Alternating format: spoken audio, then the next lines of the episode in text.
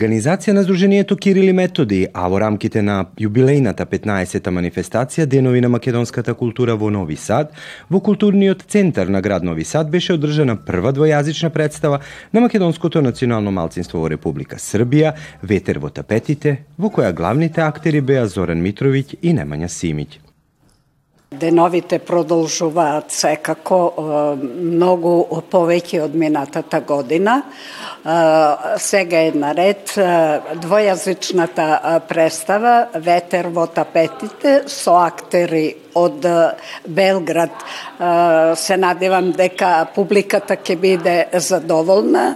Секако е добро да се слушне македонскиот јазик и на ваков вид театарска представа, која секако дека ќе им се допадне и на публиката со актери од Белград. Добро, супер, ајде. Не ме зајмавај. Добре си, ајде, само jedan Ајде. Првата театарска представа на Македонската национална заедница во Србија во продукција на Форумот на млади македонци беше дизајнирана двојазично на српски и македонски јазик. Во текот на 2019 година една представа за деца, исто така беше двојазична на српски и на македонски јазик, Она се играше по повод одбележувањето Ден на детето во Панчево и во Лесковац и представата ја гледаја децата која што го изучуваат македонскиот јазик со елементи на националната култура. Кога се играја представите, пошто децата ги носеа родителите да ја гледат представата, ние на вистина увидовме дека има доста и повозрасни, нивните родители, па дури и баби и дедовци кои што се заинтересирани за еден ваков вид на културна содржина. Ние секако до сега во нашата културна содржина која што до сега ние овде ја продуциравме, немавме таков вид на, на, на производ.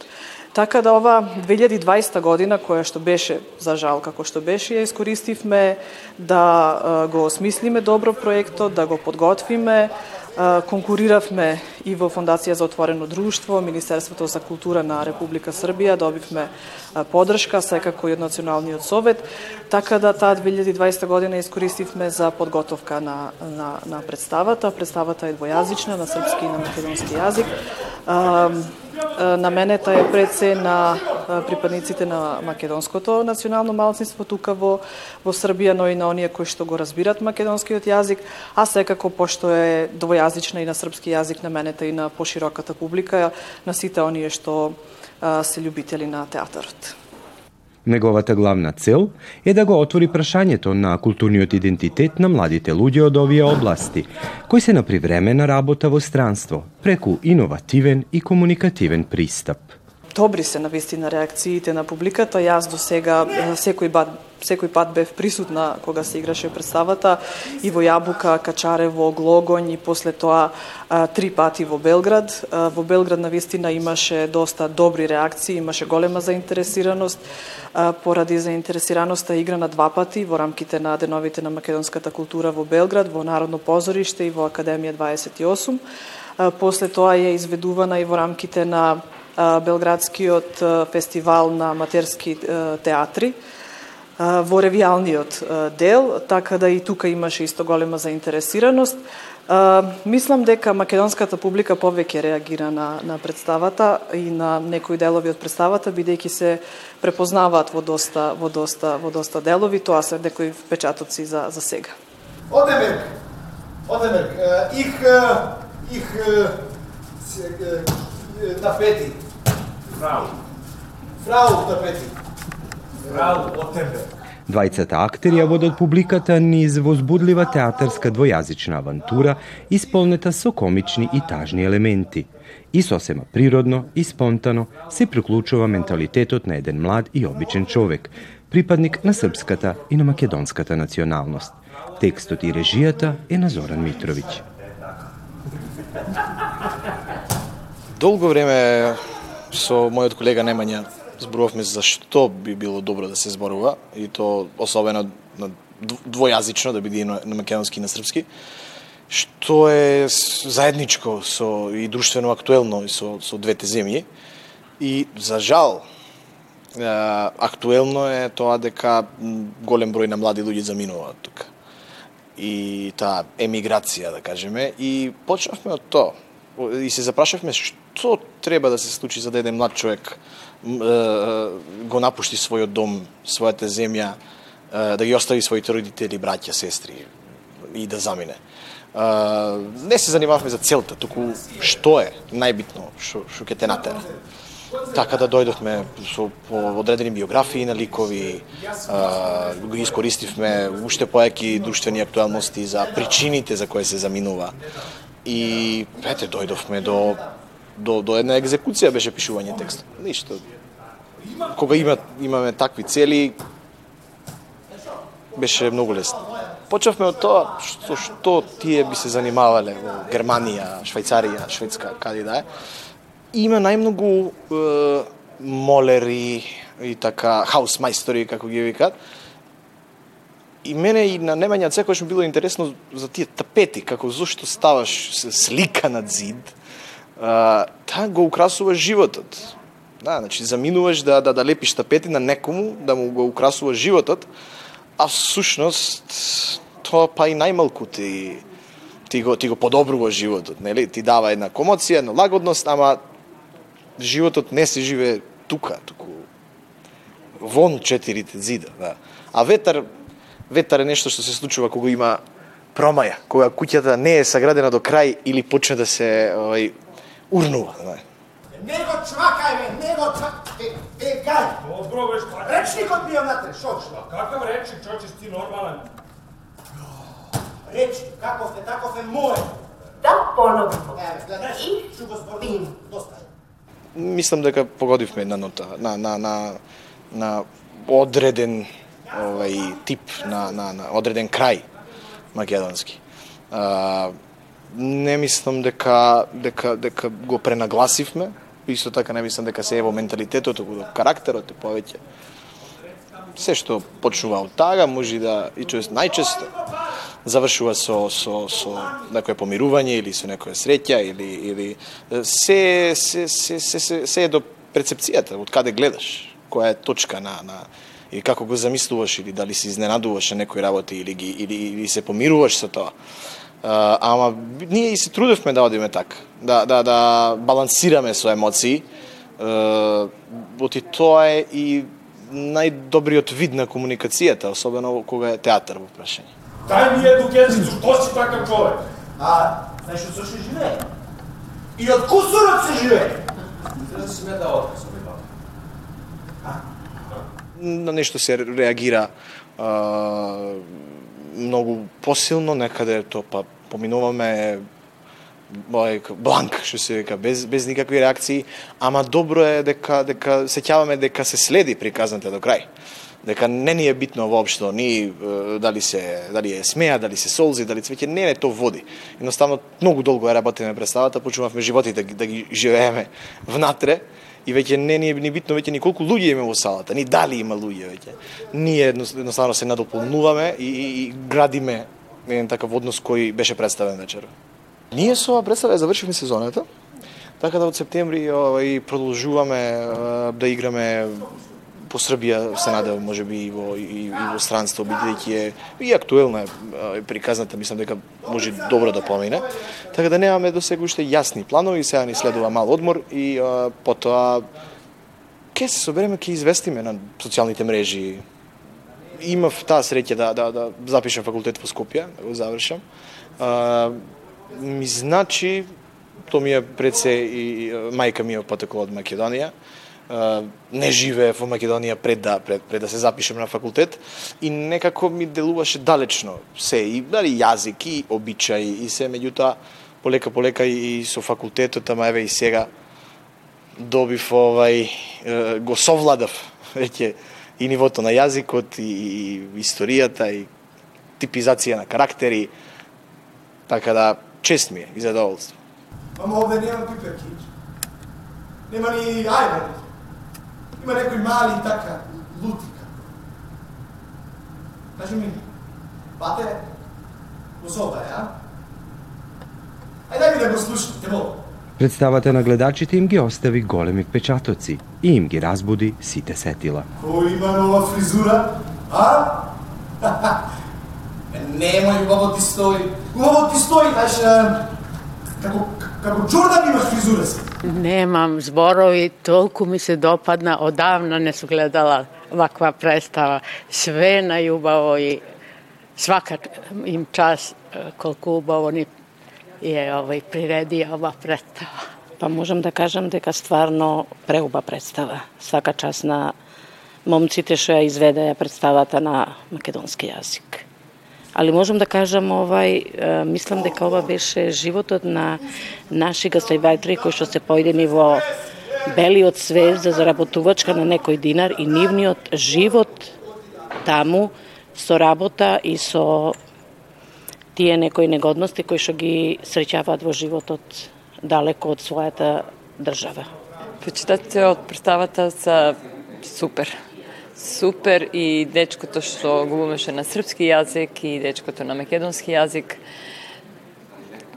Типична комбинација на двајца браќа, луѓе од бивша Југославија во белиот свет, да се снаоѓат како знаат и умеат дочарано се до перфекција и од животот во Македонија, животот во, во Србија и корените дека потекнуваат самата земја што е даваше на, на билката тоа е поврзаност, значи некоја корен од билката, значи секој стих во представата представуваше нешто што ме враќа во, во, во моите краишта долу или и така.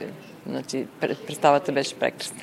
Представата беше подготвена под покровителство на Националниот совет на Македонското национално малцинство, Фондацијата Отворено општество, Министерство за култура на Република Србија и Покраинскиот секретаријат за образование, прописи, управа и националните малцинства, национални заедници.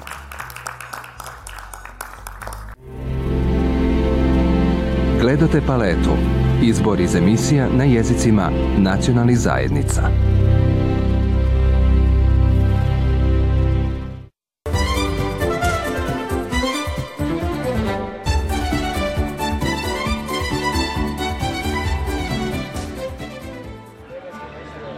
Сдруженијето на македонците од Белград, Македониум, во текот на месец мај, организира јубилеј на 10-та поред манифестација Денови на македонската култура во Белград под името Допир на Македонија.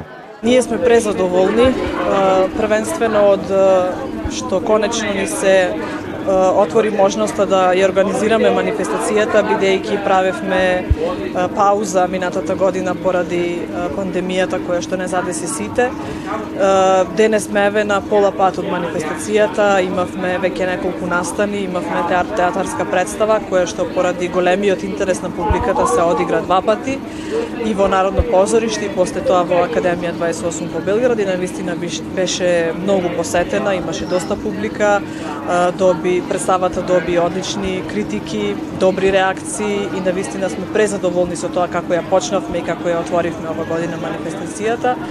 А, после тоа имавме одбележување на празникот Свети Кирил и Методи, а, поради кој што ја организираме целата ова манифестација во нивна чест. А, во предпладневните часови имавме полагање на венци на споменикот на Свети Кирил и Методи во Белград, а после тоа во вечерните часови имавме свечена академија и во рамките на Свечената академија организиравме омаж на македонската поетеса и нашата прва почесна председателка на нашето здружение Душица Илин Шекеровски. Омажот на вистина беше добро организиран, имаше гости, тука писатели од Белград, од Србија, имаше некои писатели од Македонија кои што испратија писма во кои што се во кој што се обратија и до нас како членови на Сдруженијето и до белградската публика и до ги кажеа своите импресии за, за Душица или и за тоа каква поетеса и каква личност она всушност беше. Денес ме еве на пола пат, денес ја отвараме изложбата на нашата Елизабета Георгиева Јордановски, една прекрасна изложба а, инспирирана од македонската традиција, македонската култура и уметност, што на вистина и во мене лично, а верувам и во другите, а, разбуди едно чувство на носталгија, бидејќи на вистина е и она самата беше инспирирана од тие и во нас исто разбуди такви такви чувства. Не очекува уште и промоција на книга на Тетовскиот говор во Сдруженијето на писатели од, во Србија. Ни пристигна и гостинот од Тетово, авторот на книгата, кој што треба да ја промовира и после тоа не очекуваат и деновите на современиот македонски филм, во рамките на кој што исто така ќе имаме гости, гости од Македонија. Така да не очек... поминавме доста, поминаа доста настани, а не очекуваат исто така уште многу убави настани. Секако голема поддршка на ваквите манифестации дава и амбасадата на Република Северна Македонија во Белград. Големо задоволство ми е да присуствувам на овој убав настан, оваа изложба на сликарката Бети Георгиева, кој како може да се каже дека се поклопи и со прославата на празникот Свети Кирил и Методи и кој се вклопи во една убава целина која се вика Денови на, на македонската култура овде во Белград, кој го организира Сдруженијето Македониум. Ова е една убава традиција, овие Денови на македонската култура, кои од година во година добиваат на квалитет, добиваат на масовност во смисла на посетеност и добиваат во смисла на сеопфатна промоција на македонската култура, јазик, обичаи овде во Република Србија. Така да од таа страна и овој настан допринесе а, да ова убава целина се се вклопи во, во културното живење. Јас лично а, како вршител на должност амбасадор и моите колеги од амбасадата, сите овие настани во организација на македонските друштва, да ги поддржиме, да ги промовираме од наша страна и дури да ги повикаме и останатите дипломати овде од дипломатскиот кор во Република Србија да дојдат да ги посетат, пошто за нив е ова интересна култура, посебна култура, македонска, кои со задоволство ја гледаат и ја почитуваат. Убаво е кога се гледа, кога ќе се видат повеќе луѓе, повеќе македонци на едно место. Посебно и после ова време на на корона криза која што доста го лимитираше тоа дружење, дури го сведе на минимум. Така да од сега натаму, еве јас апелирам до сите здруженија овде во Република Србија да прават убави настани каде што може сите македонци да се дружиме повторно и да ја продолжиме ова онаа убава дружба која беше и пред пандемијата. Во просториите на куќата на Ѓура Јакшиќ беше отворена изложба на слики под името Везот на магловитиот мурал на сликарката Елизабета Георгиева Јордановска. И јас во тие слики а, а, ги препознавам моите мајки, мојата мајка и мојата баба и неколку слики се посветени на мојата баба и тежам кон, кон традиционалноста. Има доста носталгија во сликите за некое минато време, можда поубаво. А, Така да овај мислам дека треба малку да се вратиме во тој некој во тие некои помирни води, поскромни, потрадиционални. Техника со која што работам е исклучиво масло на платно и цртеж затоа што сум колоритна и таа техника највише најубаво се изразувам со неса. Младите македонци кои живеат овде во Белград, многу е битно да си ги знаат корените и традицијата. Ги измешав сликите, ставив малку и српска носија, ставив малку и црногорска носија. Сите сме ние тука во близина и треба да се знае традицијата и на нашиот народ, и на народот со кој што живееме и кој што ни се блиски. Сликите на Бети остават впечаток на раскошен колорит со разиграна композиција во која цртежот динамично го својува просторот. На тој начин сликата се анимира со стилизирани елементи и лирични фигури збогатени со орнаменти и живи бои. Каже уметникот Синиша Новески и додава. Специфично за Бети е тоа што таа е наивен сликар, аматер сликар. Значи нема школа, има некои часови по, по цртање, меѓутоа кајнезе не за исконско е тоа што го носи во себе како а, неоптеретување од ликовните елементи и принципи и давање на својата интема и слобода во творењето.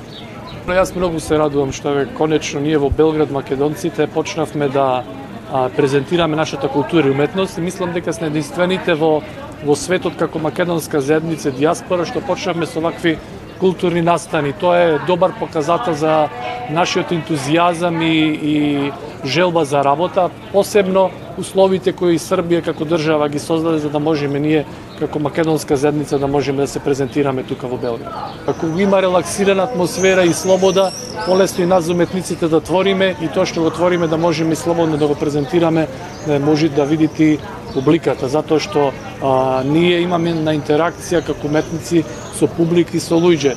Самиот живот и самото живење е наша инспирација од творењето. Успешноста на овогодинешната манифестација докажуваат бројните посетители, па своето задоволство не го крија како ни посетителите, така ни организаторите. Прекрасни се впечатоците на вистина и ние како организатори одвај чекавме да се сретниме и со членовите на нашето здружение и со публиката на која што и овозможуваме овозможуваме вакви вакви настани. Заинтересираноста па е на вистина голема, многу поголема од она што ние очекувавме. Ние на вистина очекувавме заинтересираност, но ова ги надмаши сите наши сите наши очекувања. Еве настанот е предвиден да трае 45 минути до 1 сат, он трае 2 сати, некогаш и повеќе. Представата се играше два пати поради тоа што имаше голема заинтересираност, така да ние како организатори од Сдруженијето Македониум навистина сме презадоволни од заинтересираноста на, на публиката и на македонците во Белград и на пошироката публика за, за нашите настани и за нашите културни содржини кои што ги осмисливме во рамките на оваа манифестација. Голема поддршка за оваа манифестација дадоа Министерство за култура на Република Србија, Националниот совет на Македонското национално малцинство, како и продукцијата Танграм.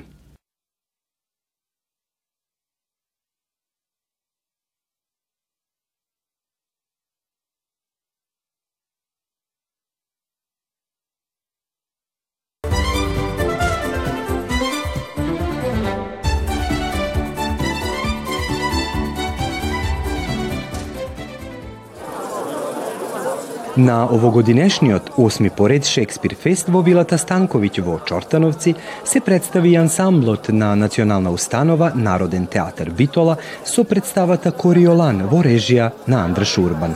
Наслов представи е History of Motherfuckers Кориолан, па то јесте јесте е, адаптација Шекспировог дела Јел Кориолана sa tim nekim našim doživljavanjem stvarnosti i demokracije oko nas. Mislim, to jeste predstava o demokratiji, o narušavanju demokratije i o tom sukobu neke, e, neke istine, prava i, i, i, i onog, ajde, senzibiliteta što doživljavamo e, ili one istine što doživljavamo ovog trenutka. Mi već imamo jednu dugogodišnju saradnju, to je treća predstava što radim sa ansamblom Narodnog pozorišta iz Bitole. Prvo smo počeli sa predstavom Hamlet mašina, posle e, po Marlovom Faustu smo napravili predstavu i sad najzad, kažem najzad jer je se to pomeralo zbog e, pandemije i sad najzad e, History of Motherfuckers, to je Skoriolan.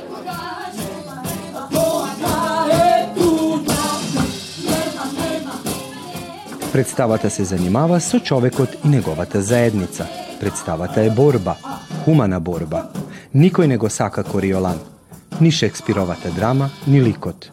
Тој е вистинит и искрен. Потајно сите се сложуваме со се што кажува, но едно е сигурно. Тој не е ние. Тој за нас кажува она што ние за себе не смееме да е дипломат, да уме и да сака да ја користи сладката, нежна лага, која е предуслов за демократска заедница, не би ни биле ни зборувале за него. Лагата не е ни сладка ни нежна, лагата е крвава и немилосрдна. Додека вистината и искреноста сепак се предуслов за вистинска уметност. Дури и кога лажеме, поминуваме ни спеколот на искреноста за едно уметничко дело да го претвориме во стварност. Барем во она уметност за која вреди да се зборува. Луѓе, дали некогаш ќе бидеме задоволни за нешто, а? Дали некогаш ќе бидеме задоволни за нешто? Па просечен германец ова би го јадел три месеци, а ние во нашите колички, во нашата сиромашна земја, полниме следно тоалетна хартија специјална која што ја променува генетиката. Со едно бришење на вашето газенце вие добивате тајно избришен газ имате и прашто се наменско, кога го внесувате тоа не лепи на вас ништо. Вие јадете колку сакате да се добите по дневнето и ништо не ви се случува. Феноменално. Урбан и овог пута не е изневерио. Глумци су дивни, екстра, македонци, савршено. Дивна представа.